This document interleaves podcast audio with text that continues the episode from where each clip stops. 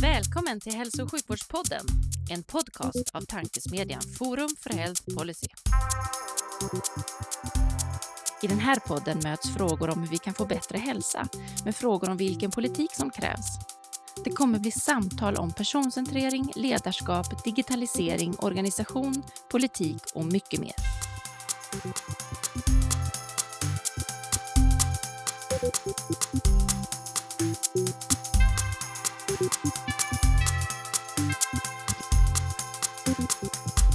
Hej och välkomna till Hälso och sjukvårdspodden, tankesmedjan Forum för Health Policys initiativ för att sprida goda idéer och tankar kring dagens och framtidens hälso och sjukvård och omsorg. Jag heter Magnus Lejelöw och arbetar i vardags för Colivia, men även styrelseledamot i Forum för Health Policy. Och vid min digitala sida sitter som vanligt och trevligt nog en annan styrelseledamot, Livia. Precis, Livia Holm heter jag och är styrelseledamot i Forum för Health Policy, men till vardags policychef på Kry. And today it's a special episode. It's the first one in English, actually. And uh, I mean, we're looking forward to it, but but mo- bo- both because it's in English, but mainly because we have an interesting guest uh, from one of our members from Accenture, uh, Kaveh Safavi. Most welcome to the podcast. Magnus Livia, nice to be here with you. It's a pleasure. So let's jump into the podcast then, and, and we ask ask the nice question: How do you think Swedish healthcare would look in 2040? Well, 2040 is uh, that's a long time from now. Uh, I think that uh, Swedish healthcare will uh, is in the same direction of travel as many countries I work in, and the three characteristics that I think we can count on. The first one is that care continues to become more location independent or location agnostic because it's possible to deliver care anywhere. That doesn't necessarily mean that it won't be delivered in hospitals or institutions, but the capacity is there, and that means more optionality. And it might mean at home, it might mean where you're at on a temporary basis, it might mean that you can convert a facility into a hospital on a temporary basis during a pandemic, as an example. But it's location independence, and that's really a combination of technical capabilities as well as people's expectations of care being delivered on their terms.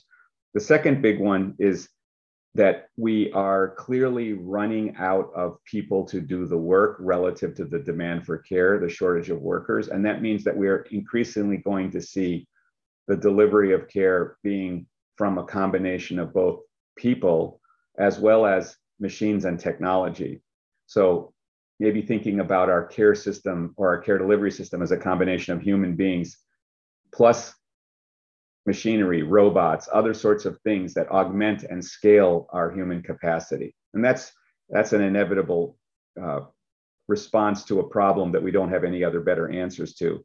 And the last one is that we continue to make care more personalized on two dimensions. One is clearly biology, as we understand human bodies differently, but the other is on the experience side, because people increasingly want care on their own terms. They want the care experience to be for them, similar to every other experience in life. And so, thinking about personalization through the lens not only of biology, but also the experience of care is going to be a continuous direction of travel versus having people conform to the way the care system is organized. Uh, that's what I mean by personalization of experience. So, those three trends. Ah, and how do you think we will manage that going to the more, more personalized experience trend? Because that's well, a, that's a change of culture and that's always the harder thing at least in sweden. I'm not sure about anywhere uh, i would say it is and it isn't right? Because i think what people's expectations are uh, being formulated outside of healthcare. We talk about this we've been talking about this for a long time. Healthcare doesn't just compete for example with itself. It competes with attitudes and expectations and experiences that people develop outside of healthcare banking travel financial services retail. People know it's possible to know them and meet them on their own terms. And so the gap between how healthcare is and how healthcare can be becomes greater. That source of frustration now becomes either an opportunity for innovation or it becomes the basis upon which regulation and policy get put in place to force the care system to be more responsive. And we've seen both of those responses occur in the OECD, in rich countries the innovators and the startups fill the gap, but in many cases, the frustration leads to mandatory responses around location and waiting time and, and responsiveness. So uh, I would expect that it's going to be driven by the expectation of the patients and the citizens, and the system will have to conform to that. I hope you're right. Livia, it looks like you're you're we'll going to ask, ask the next questions. I think exactly. Um, one thing that we always ask our Swedish guests is what we can learn from other countries to improve the Swedish healthcare system. I mean, you have a lot of experience working in a range of countries. What do you think are some things that uh, certain countries do that other countries should learn from to a larger extent? So, very good uh, question. I get it all the time. I've had the, the, the great privilege of of uh, working in healthcare in about 25 countries, mostly rich, but a few emerging markets as well. Uh, and I've done it over the last, uh, say, decade and a half. So time has elapsed over that. And people always ask me, is there an ideal healthcare system or a preferred healthcare system? And I will tell you that uh, it's hard to conclude that there is one system that that gets it right compared to every other system. They're all different, and they reflect a combination of factors political factors, social factors, demographic factors. But there are some basic truisms that you see across all of them. So while we often pay for care differently, we actually deliver care. The medical model is very similar when you look across all Western countries because medical training and attitudes about the role of doctors and the interaction between doctors and patients is remarkably consistent. So I think there's a few things that every healthcare system is struggling with. One of them is what is the right way to create incentives for organiz- for the healthcare delivery system to invest in the capacity to actually take care of people without requiring work to be done by caregivers. So how do we substitute for the actual activity of care in order to get an outcome? Because our model in every model, m- money moves from the payer of care to the providers of care based on activities. And it reduces any incentive to, in, to think of a different way to provide care that doesn't require me to do work. That's true in any country, no matter how they organize and pay for it. And so, figuring out how to create a different set of incentives for the care delivery system to say basically, uh, the way I would describe it is when people wake up in the morning and they don't feel well, their objective is actually to get better, not to see a doctor. But our model is built around the fact that you need to see a doctor in order to get better. And we know there are ways to solve this problem that don't necessarily always require you to see a doctor, but the incentive to create that model requires us to figure out how to move money into the healthcare system without you having to see a doctor as a requirement. So that becomes a challenge that we're all struggling with. People use different models and names for it, but at the end of the day, that's part of it that is related to this idea that if we're going to create a financial reward system, it should be based on a benefit, not an activity, so called value. Different people talk about it in different ways, what value is. But at the end of the day, the heart of it is no people want to know they're getting their money's worth, whatever that means, versus you just did an act. And that getting that right becomes a, a real uh, a real challenge. I think that um, every country is experimenting. No one has figured it out. What no country is experimenting with in material way but all of us need to is realizing that we won't have enough people to do the work. How do we begin to incentivize the substitution of technology for human tasks so that we can scale our caregivers and meet the needs? Otherwise we're going to have a, a gap between the demand for care and the way we deliver care that we will never solve yeah. Uh, one thing you mentioned uh, in the beginning is that um, this sort of transformation of the healthcare system will happen out of necessity, both from patient demand, but also from uh, the realities of, of staff shortages and, and so on. Uh, we in Sweden right now are in the middle of an election year. Uh, and you mentioned also that, you know, unless the system by itself transforms, it might be forced to transform through reforms and, and such. What type of political reforms would you want to yeah. see more of uh, in order to see this uh, transformation happening in, in a sort of timely manner? Well, so let I'm going to answer that question in two ways. The kinds of reforms that you typically see exhibited politically are uh, what I would describe as pro-consumer reforms around concepts like choice, access, waiting times. It gets played out in all different ways, but at the end of the day, the the government, the elected officials get elected by citizens, and they they think about the problem through the lens of the citizens' experience, which is largely uh, ex- um, felt through concepts around access. However, as policymakers, there's a recognition that this complex system that we're built on is influenced by the flow of money. And so these conversations about, well, are you paying for the right things ends up becoming a policy issue. It's not an issue that voters care about. It's not an issue that politicians can run on, but it is ultimately an issue around governance. And you know, in many countries, you always hear uh, you hear this sort of an adage: healthcare is a great issue to run on, but it's a terrible issue to actually govern on because because people can always have an opinion about how it should be, but it's in, immensely complex and it's very it's very uh, we have a term in the us is very wonky it's very academic and it's not anything that anyone wants to hear or talk about. And every thing that you fix it's because it's a complex system affects another thing. And so um, it's super easy to say i wish we could do this but when you get into the weeds really hard so in many ways i think what we have to do is sort of distill it down to what are the simplest issues that we want to solve for and stay focused on those as priorities. We went through a period of time appropriately in most countries where we recognized that a rate limiting step to any of these things I described, a personalized experience, uh, the ability to serve people without requiring human beings, the ability to bring technology in, would fundamentally require digital information as a path to an end. And we recognized that we had virtually no digital information at all. So we started the journey in most countries by variations on the theme for encouraging the digitization of records. We've made some progress.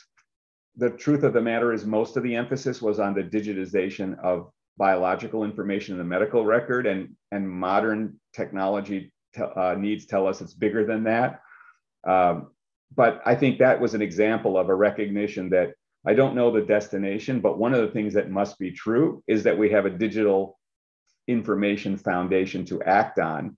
So let's start with that. And I think that's the nature of policy is what must be true? How do we put those foundational issues in place?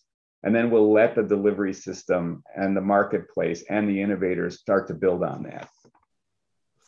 And what do you think has to be in place for that to happen? So getting this digital infrastructure in place, because this is something that's discussed a lot within the Swedish healthcare system, which of course is, you know, we have a national um, governance, but primarily we have 21 autonomous regions and 290 municipalities who all have to manage their data and yep. figure out ways to share it. Are there some countries that are sort of uh, more ahead when it comes to this that you could look at, or you know, what what advice would you give to our our policymakers in Sweden to realize um, effective data sharing? The nature of that question um, really highlights the distinction between the what the what needs to be done and the how it needs to be done. The there is less debate about what needs to be done. The debate is largely how it needs to be done. And it's in every country in the world, modern rich country in the world, you have a healthcare system which is a combination of very usually national or higher level funding and then very local um, execution. And you know there isn't there this this dichotomy and federalization and the and the you know healthcare is delivered close to home. And so the delivery systems increasingly become local and fragmented um, and the policy and the financing is set at a national or regional level is very common. And this is where you get into the challenges right? Because you can the hows go through the localities and we see in, in oftentimes it's it's interesting. So very simple issues like nobody debates what needs to be done, but every debate everyone debates who's in charge. So that's really the problem. Exactly. Like we we just you know until I'm in charge, I'm not going to do anything. We see this all the time, right? It's a very complicated and, and challenging issue, and I think this is one of the real interesting um, art forms for our uh, for our policymakers and our politicians is to recognize that um, concepts like autonomy and control end up being big issues, not only for policymakers, but even for, for healthcare providers, because the culture of medicine and the culture of doctors is very much around autonomy of the decisions. And even before we talked about digital and the issues I just talked about, go back 20, 25 years ago, 20 years ago, when when uh, healthcare safety was a uh, recognized as a global agenda item. In the United States, there was a report in 1998 by the Institute of Medicine. It was called To Err is Human. And it basically came out and said the equivalent of one jumbo jet per day of people are dying from errors in hospitals. That became the big calling card for a decade around reorganizing the healthcare system to make it more safe and to eliminate unnecessary errors. One of the biggest challenges was that the reason the, that there was so much variability that led to errors was the high level, level of autonomy that clinicians wanted in the way they did things. So even then, this idea of you can't tell me what to do, we had to overcome. And so we started to move the medical culture toward a concept of systemness in service of eliminating errors. Well, we're going to have the same dialogue, which is the concept of systemness in service of getting to some end. And I think that becomes an interesting um, political question. And in, a, in another European country, we were working in uh, ge- geography. Um, the public health system, where both the employees and the insurance company were all government, couldn't get the systems to share with each other. You would think that they should, in theory, they should, right? Because they're all the same legal entity. But the clinical autonomy was such that that was a decision that nobody wanted to do. In this jurisdiction, uh, the the uh, the candidate running for office ran on a pla- essentially a platform that every citizen should have the choice to go to any care delivery component in in the geography. So let's call it freedom of choice. They had no conversation about digital or interoperability or anything like that. And then when it came time to go to the how implementation question, the dialogue happening at the level with the hospitals and the, the medical staffs and the doctors where they said, well, I don't want to, you know, I don't want to do this and I don't want to share. And they said, and, and essentially a conversation went something like this. I don't care how you solve this problem. You don't want to solve it my way, solve it another way.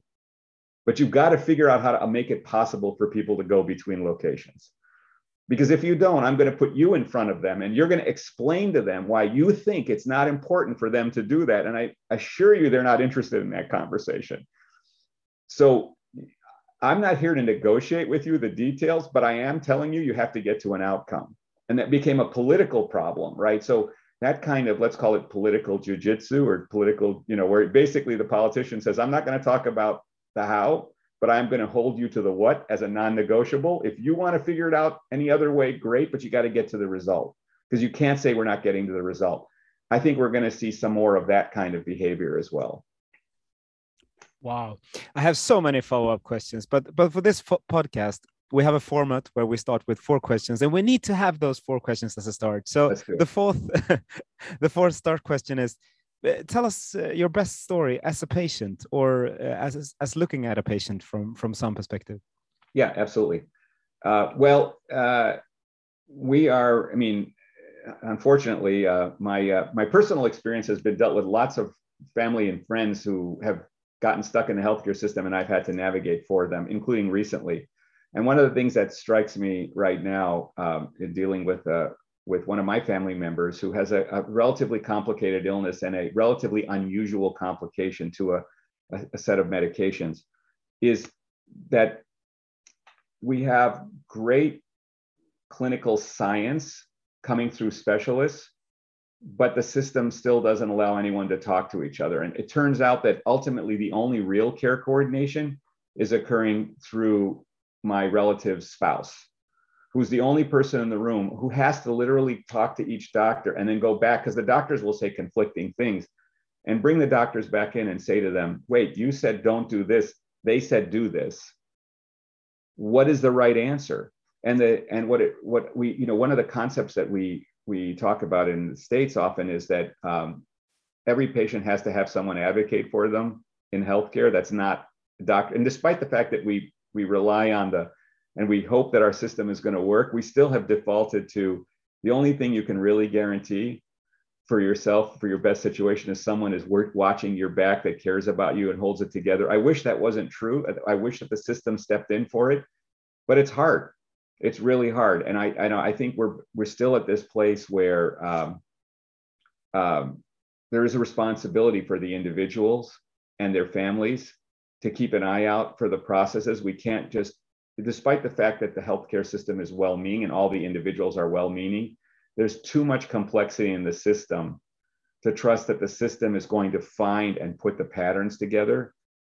Um, and I, you know, that's a, I, I saw this problem when I started in medicine 30 years ago, and I'm still seeing it today, like right now, as we're as we're speaking, with all of the reforms and all the digital records and all the things that we've done and all this great science. My cousin wouldn't be alive if the science that we don't we have today didn't exist. This wouldn't even be a dialogue, but it is and we still have the same behaviors. Yeah and it's it's hard to get an equal care if if that is i mean the foundation is is for us to be us as individuals to help each other.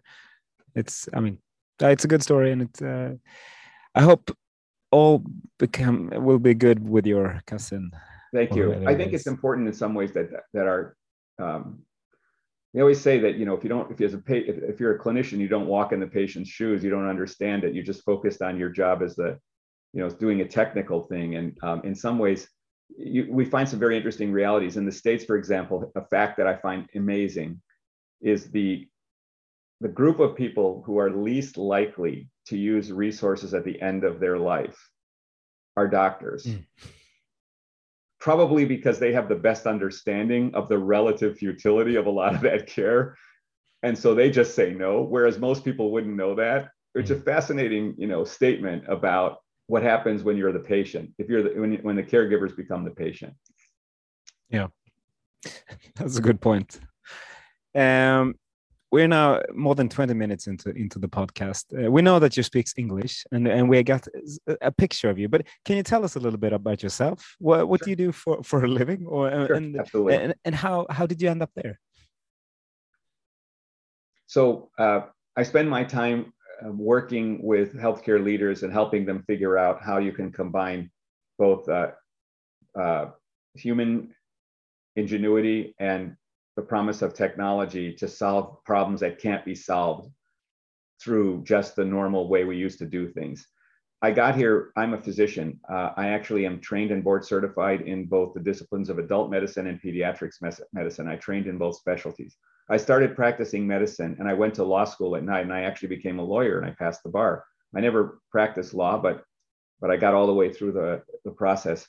And in that process, I met some people during my work that were um, actually building an organization to uh, run out run doctors' offices and bring modern capabilities like electronic health records and other things to that practice to create a more modern sort of next generation practice and they convinced me to join them. So I started to move away from full time medical practice to a combination of medical practice and this business.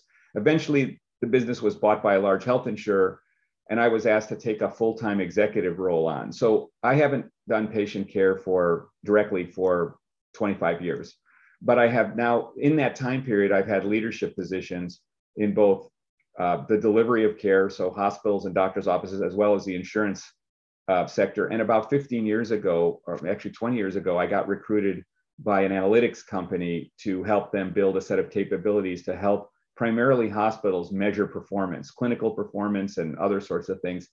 Um, that business, um, and from that business, I got recruited by a technology company thinking about trying to get into healthcare through things like telemedicine.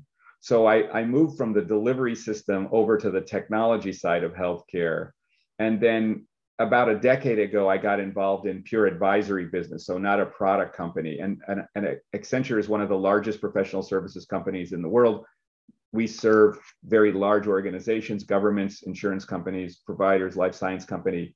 I'm a, a global practice man, uh, leader. And so as a result of that, I get to work with these constituencies all over the world, seeing the problems and asking the question, how do I take people and machines, technology and humans, and put them together to solve the problem.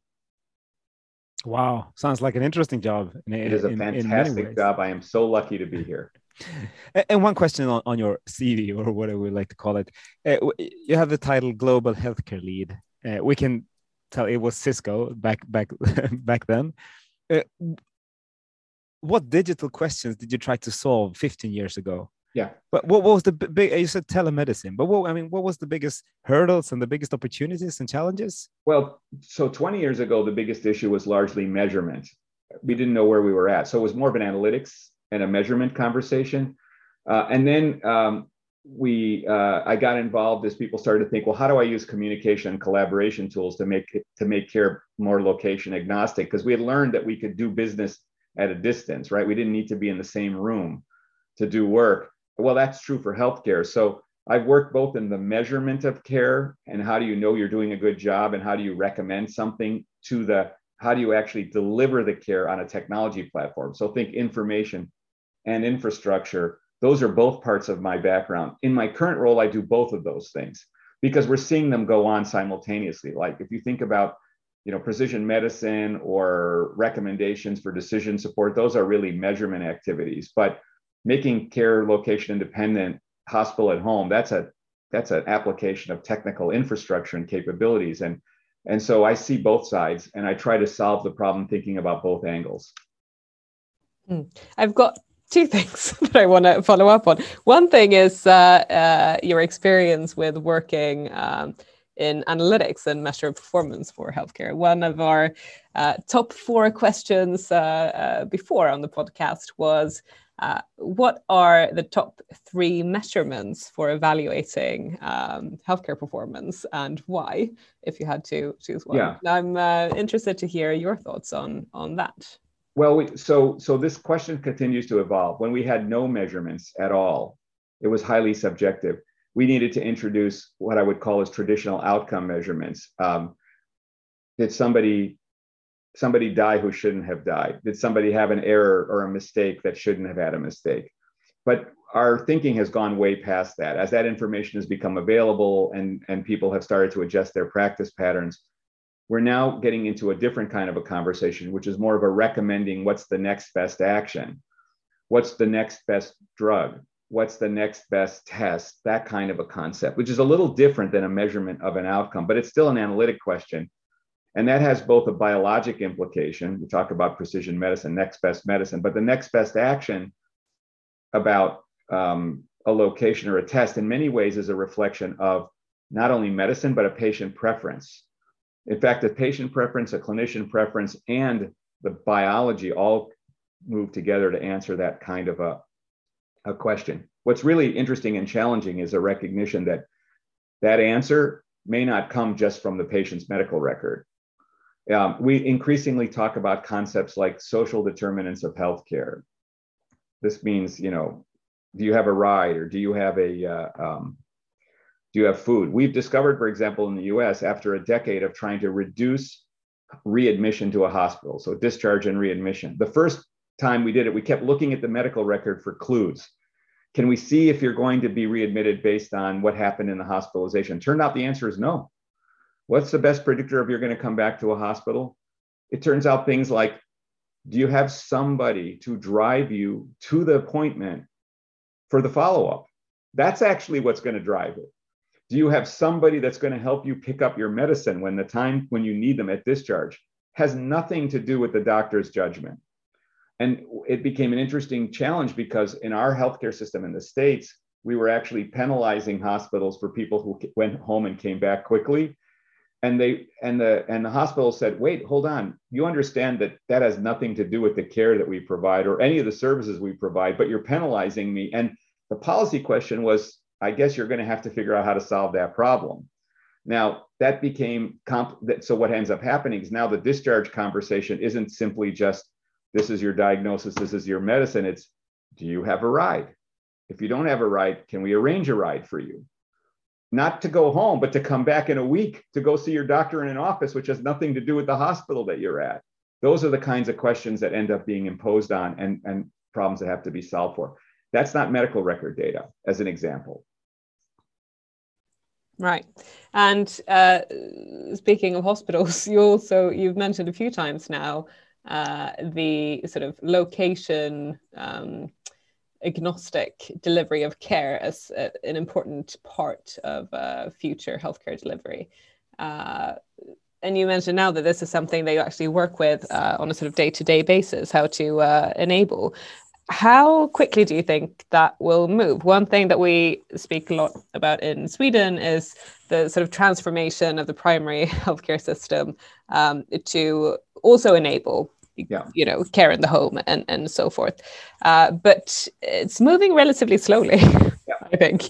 Uh, what are some of the sort of keys to to making this happen and and why isn't it happening faster? so the great question. So the technology capability is always ahead of adoption for a couple of reasons.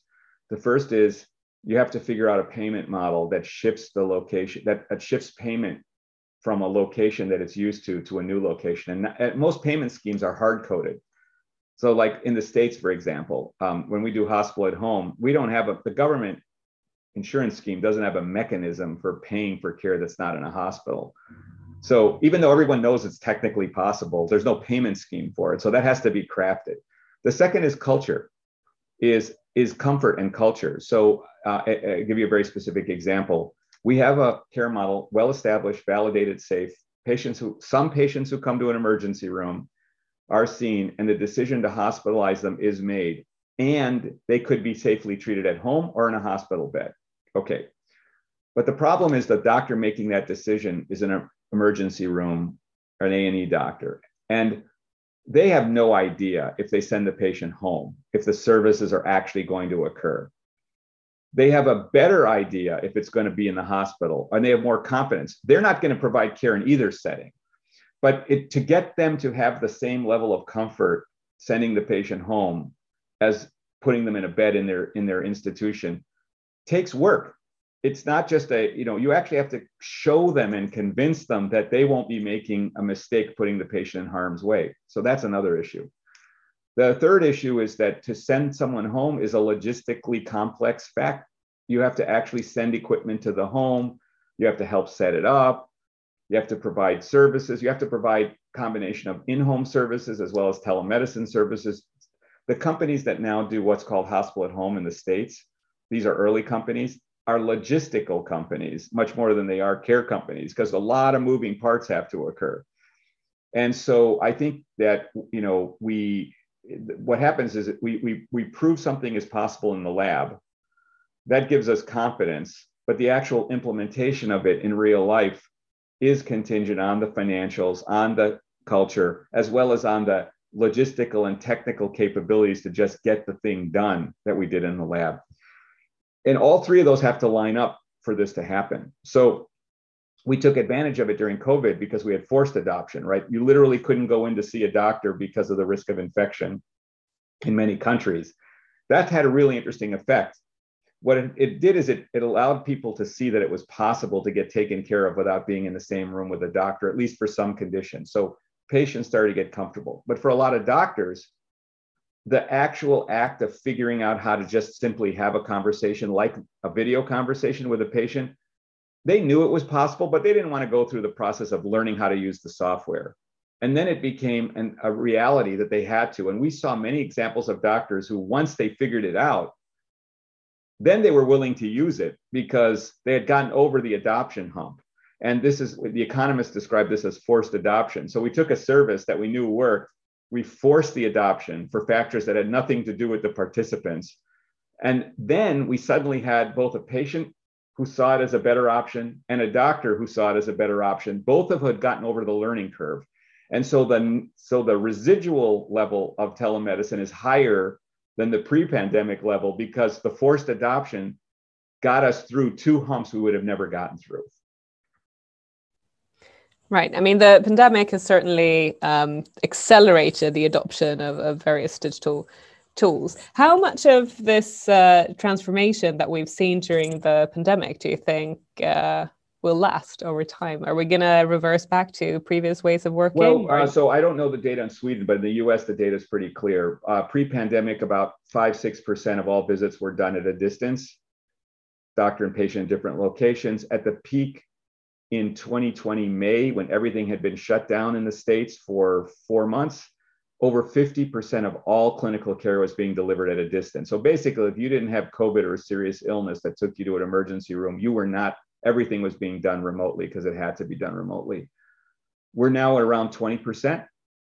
So we're, we're, let's call it four times higher than the baseline, but half of the peak. And it's probably going to settle in that number. Some disciplines like behavioral health have really made a movement and don't seem to be retrenching Others have done, have done significant retrenching uh, for a variety of reasons. It's easier for the doctors, it's easier for the patients. Um, workforce shortages. If I don't have the, you know, that the, there's a pro and a con around the whole idea of technology and remote locations that that your staffing can drive to. So I think you know that that it's it's settling in at a number. It's certainly nothing like it was at the peak, but it's not going to go all the way back down to the baseline for the reasons I just stated. Patients now know what's possible, and some of them won't give that up, and doctors know what's possible, and some of them won't give that up. Right. Are there because uh, it's always interesting to speak to someone who works across uh, you know various countries. What are some learnings from the pandemic in terms of sort of uh, changed ways of working and and so forth. Yeah, well, and, I'll zoom. You know, what's similar in countries, but also are there any differences that you can um, see?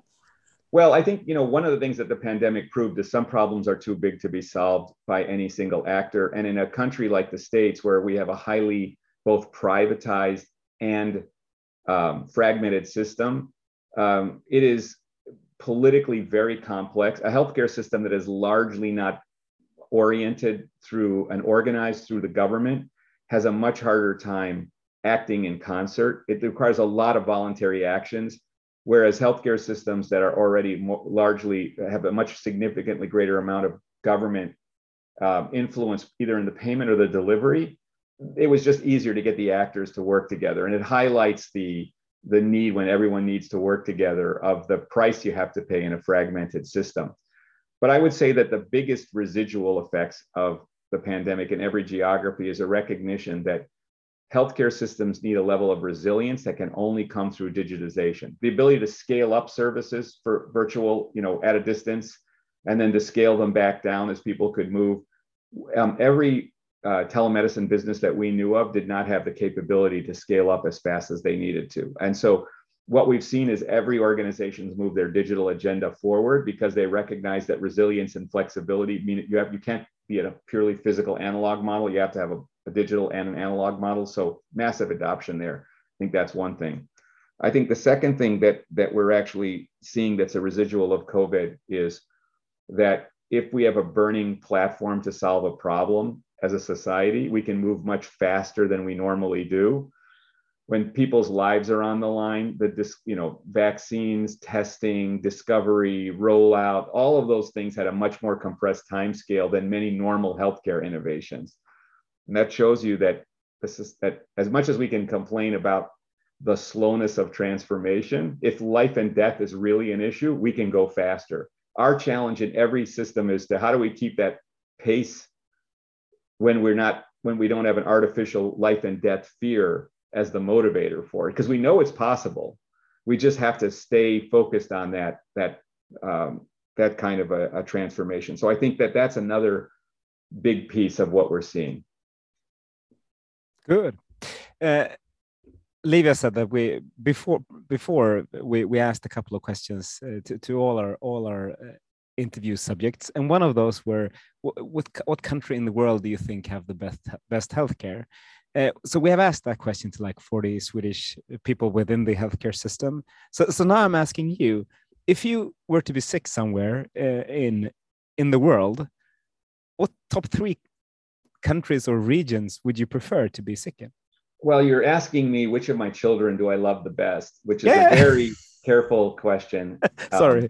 Um, so, so I'm. I think. I mean, it's an interesting question to answer because there's a lot of there's a, there's a lot of um, moving parts. So if you were to ask the question, for example, just based on things like data, like let's call it um, the likelihood of surviving a serious illness in, in cohorts by ages, for example, you, you often find that the US tends to be at the top because of the generally widely available access for seriously advanced treatments. But when you get to issues that um, have uh, much more of a public health measure, um, we don't do as well in the States. And other countries that have a more of a public system do much better. Um, you know, for example, the Nordics have done a nice job of, in some countries, particularly, of making um, more primary care available to more people more easily. In the U.S., it's a hassle to do it, and there's a lot of criticism about that. On the other hand, access to specialists is a lot harder because institutionally, in many cases, they're not available without going into a hospital. The hospitals are all about specialty care, very different models. I think that um, I think these models reflect our culture in the sense people adapt. I mean, when you look at people's view of their own healthcare system, I, I look at international studies and I see the same thing, which is everyone complains about their healthcare system and then defends it relative to everybody else's healthcare system which is classic kind of a normal response right? We all love the system we're in better than everyone else's but it's terrible system relative to meeting our needs. And so in my mind i think it's the wrong question to ask which is the best system. A better question to ask is what do we need to do to make this system better? Because there is no system to emulate. The biggest fatal mistake is the idea that we're all going to emulate an ideal system. It, it doesn't actually work that way. And and uh, to put an even finer point on it if you look for example at practice pattern variability by doctors every you know in the states everyone there's an orthodoxy in the us that one of our big problems is too much practice pattern variability and it's all about our medical malpractice system, which is unique. Problem is that's actually not true. Practice pattern variabilities are exist similarly in all countries, depending on how, no matter how they get paid for, high doctor compensation, low doctor compensation, public fee for service, because it's actually much more about culture of training and how you train and the variability in the training than it is about anything else. So everyone has this theory, but the theory is wrong. If you look at the concept of how fast affordability of healthcare. It turns out that in every rich country, since this has been measured in the 1960s, costs of healthcare grow 1 to 2% faster than GDP. In every rich country, no matter how much money they spend per capita, no matter how private or public the system is. This has been an observation that economists have identified. And the reason is that the primary thing that drives the cost of care is the fact that human labor is the single most is the, is the input the biggest input and wages always grow at the rate of the economy that the system is in because wages have to keep up scientific innovation causes diseases to go from not being treated by the healthcare system to being treated by the healthcare system so when we develop a treatment for alzheimer's disease all countries will see a cost show up in their healthcare system, right? And aging population, which is happening in all rich countries. William Baumol started writing about this in the 1970s. He was a, a famous economist. He called it the cost disease. And he said healthcare and education costs always grow faster than GDP because of the labor dependency plus these other two factors. And nothing will change that unless we figure out how to substitute technology for labor, which isn't happening in any country. So I tell this to my American counterparts. I go, do you think that uh, the uh, you know we we know famously that the uh, UK spends about half as much money as per person as they do in the states. Which countries do you think is having the greatest increase in healthcare costs? And they go, U.S. I go, that turns out to be wrong. Actually, the rate of increase in the UK over the last decade is higher than the U.S., even though they're spending half as much per person for the reason I just described to you. So why would we want to adopt a system if our goal is to have the rate go up slowly? and we have no evidence that that's true, the answer isn't found by going to a neighbor. It's what is the problem that we all have to solve. So I have come to the conclusion that we have more problems in common to solve rather than borrowing models from each other.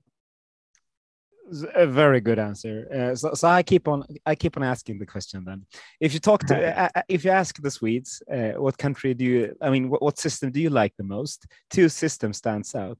It's the Nether system in the Netherlands and it's the Nuka system in, in Alaska. Uh, any thoughts about why why Swedes tend to look at those two systems? Well, I think that's a general reflection of the high emphasis on uh, a basic primary service that's orchestrated and governed in a kind of a, a national way. Um, but you know, there are plenty of people that love the freedom and autonomy of a system where if you have enough money, you can buy your access to whatever you want. So it all depends on our, you know, our concepts of what social correctness is.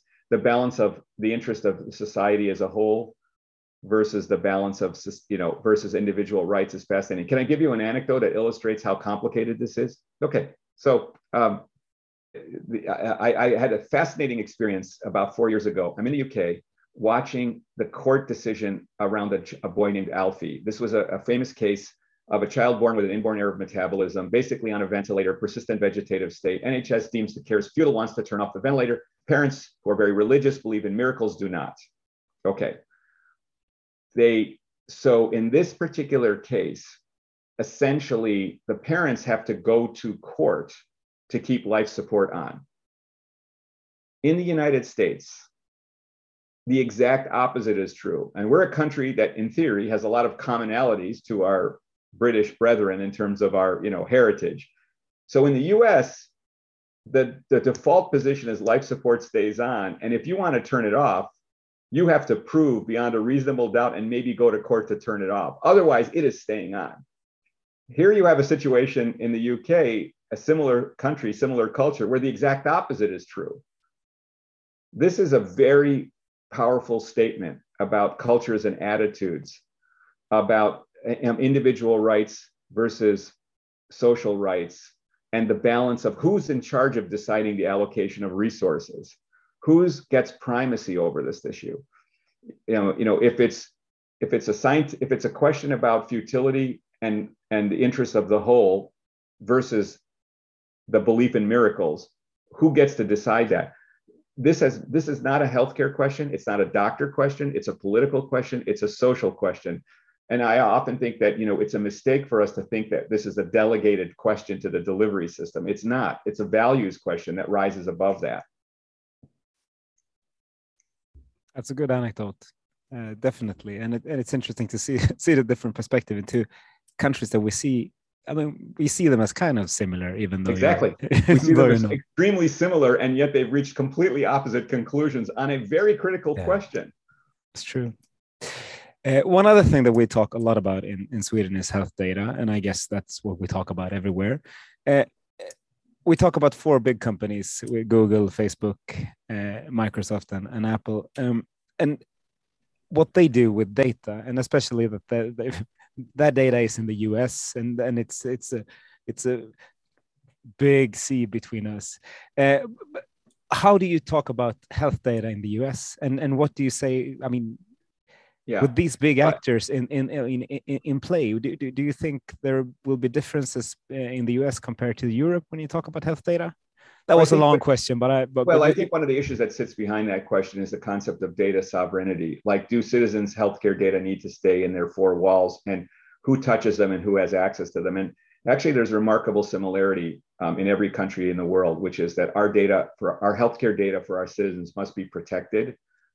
Uh, that includes its resident, its its residents, um, and who has access to it.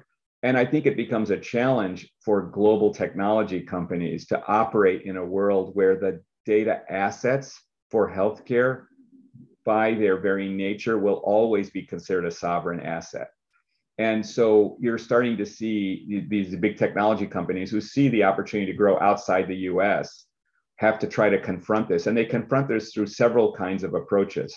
One of them is, let's call it an architectural approach. The architectural approach is the data for your citizenry will only reside in datas and servers that sit within your border. So it's never going to leave your borders. That's sort of simplistic. And they go, well, but who can touch them? Can Americans, can, can a court, which has been an issue in the UK, EU, right? Can a US court subpoena a US company to provide data about a foreign national because it's physically capable of that? You know, I, this happened in a, a case where the terrorism court in the US says, I want to know about a, uh, a person in another country, and they're forced to comply even though it's not in the US.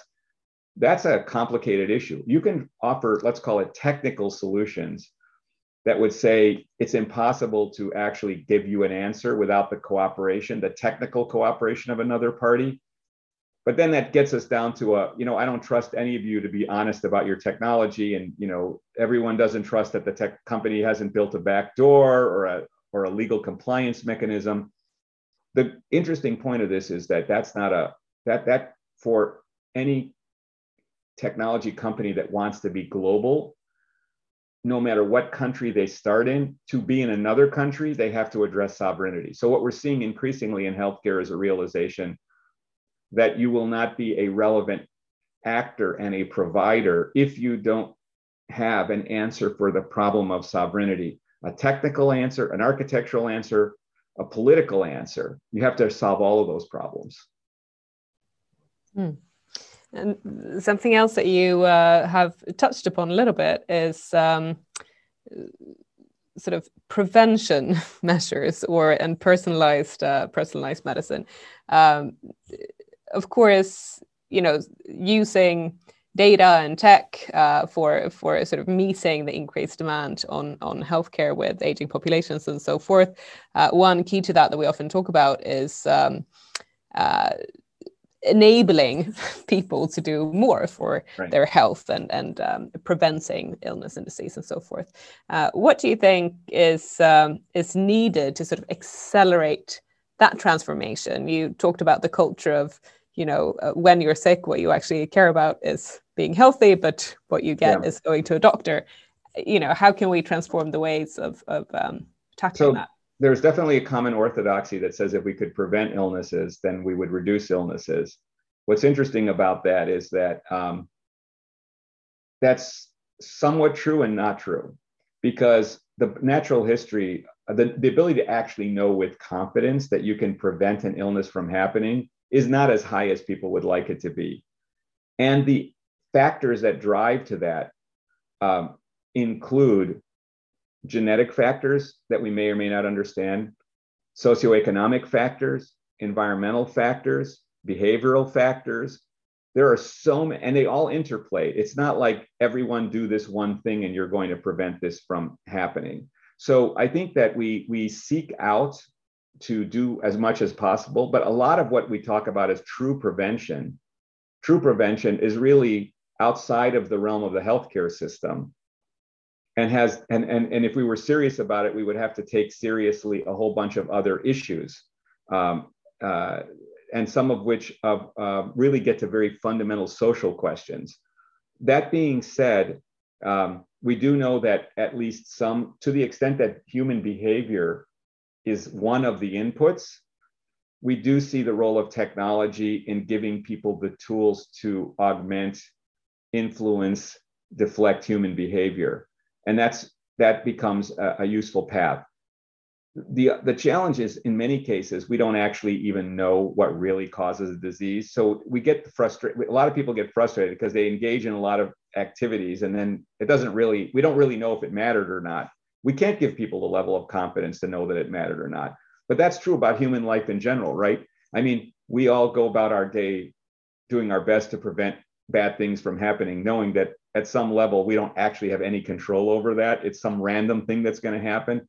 I think with healthcare we have to get to that same place as a recognition that we do the best we can but we can't give people certainty. That's important because the healthcare system still has to be built to recognize the fact that um, for all of the advances we've made around prevention the total consumption of healthcare services have gone up you know it's really interesting these these you know 100 year studies show that if you use life expectancy as an outcome public health measures have the greatest impact, not any healthcare stuff, right? But if you're thinking about treating a disease that is noble that you're going to die from, there's no amount of public health that solves that problem. And when we convert a disease that people die from to one that we can treat, a cancer, a neurologic disease, we've basically moved something on the ledger from a social problem to a healthcare problem, and all of its costs have moved over. And so our healthcare costs, so we say, I don't understand. I'm spending all this money on prevention, but my healthcare costs are growing. Well, it's got, there's not a relationship between those two. They're two different factors that are driving that. Right. Another um, uh, topic that we've touched upon a little bit is um, um, sort of culture and and uh, the relevance of that for for transformation and and also, you know, if transformation happens, uh, sort of automatically because it has to or not. Well, I'm curious to hear your views on uh, sort of the importance of um, leadership in the healthcare system yeah. and what successful leadership looks like. Uh, so I think this is a fantastic question, Livia, because transformation of the healthcare system will not occur without leadership from the system itself. As much as I said that the demand gets created by, by citizens, that's not going to change the system. That's a signal to the system. But the real change is going to come from leaders. And I think that um, what we have is um, a, a, fundamental uh, challenge because the, the real currency for healthcare historically has been a do no harm currency, which tends to um, emphasize what I would call um, the um, ad, an, an, administrative mentality toward healthcare. The you know make as few mistakes as possible, keep the processes as um, as controlled as possible, but not that doesn't get you to transformation. Um, that in order to do transformation, you have to actually reimagine an outcome and take some risks about what must be true. So let me give you a let me give you an example. I'm going to give you two metaphors that both that, that connect. Okay, the first metaphor is if you think about a sports team, the difference between the job of the coach and the job of the owner. The coach's job is to do the best they can with the players on the field. The owner's job is to decide whether or not they're going to get new players and a new coach. Coach can't get new players. A lot of what's happening in health right now, the leadership is coaches but the problem is we need the owners to step in. That's the that's that's one of the fundamental metaphors is that who's the the, the owner mentality has to reside. The I'm going to change the nature of this team. I'm going to change the nature of the players, the coaches, because I want a different, I want to, I want to get to a different outcome. Consistent with that is what we see happening when you look at businesses and industries that have gone through very large scale transformation, huge shifts. So think in our current lifetime. Um, uh, entertainment and media going from physical media to streaming media, electric vehicles, all kinds of big shifts that have happened. Typically, what you end up seeing is um, an iconic leader who has a strongly held belief about a, view, a vision in the distant future, 10 years out. It's a strongly held vision. It is not a vision that you will get to through a linear extension of what's happening today. They start with the end in mind and then they work backwards. And they generally start by saying, well, what must be true to accomplish that reality? And they begin to put those in place and iterate toward that. So if we have a healthcare, if we have an imaginary healthcare system of 2040, for example, it's not a linear extension of the way we do it today. It's a it's a big difference. We're going to have to have people that say, "I know what we're doing today, but it's just not going to look like that." I'm, I'm going to make up something as an extreme example just to show you. In many countries, we're not going to have enough nurses to staff hospitals and nursing homes. We're it's going to be it's we're going to be like the Japan problem and maybe worse, right? Where there's just not enough humans, and we have to have a, a mixture of humans and physical robots to do this work and in that case, we're going to have to solve this problem in a different way. That's going to require really leaders that have a strongly held conviction and work toward that conviction, not incrementally operate their business we have so many questions uh, in our heads right now but but but thinking about our listeners uh, they have been listening to, to us for an hour now yes. and even though the attention span of our of our listener is, is pretty big uh, compared to, to the us as you described before uh, or that was before the interview i guess uh, when entering this room this digital room did you have any anything in mind that uh, you have not been allowed to talk about or that you think you want to share with the swedish listeners well, I think I've talked a long time. Um, so I really appreciate your opportunity. I do think that um, it, the most important point is the point I made before, which is there are lessons to be learned, but not necessarily systems to be copied. And that's a very good good lesson for all of us. I mean, we like to steal with pride, but you need to steal the right kind of things and, and the right parts and, and bits of, of different systems and not not whole healthcare systems. Yeah. Uh, but then I would like to thank you, Kaveh, a lot for for this interesting discussion. Thank you, Livia, as always, and thank you to to all the listeners to that have been listening to us for for an hour. Uh, let's go out and change healthcare to the best now. Thank you.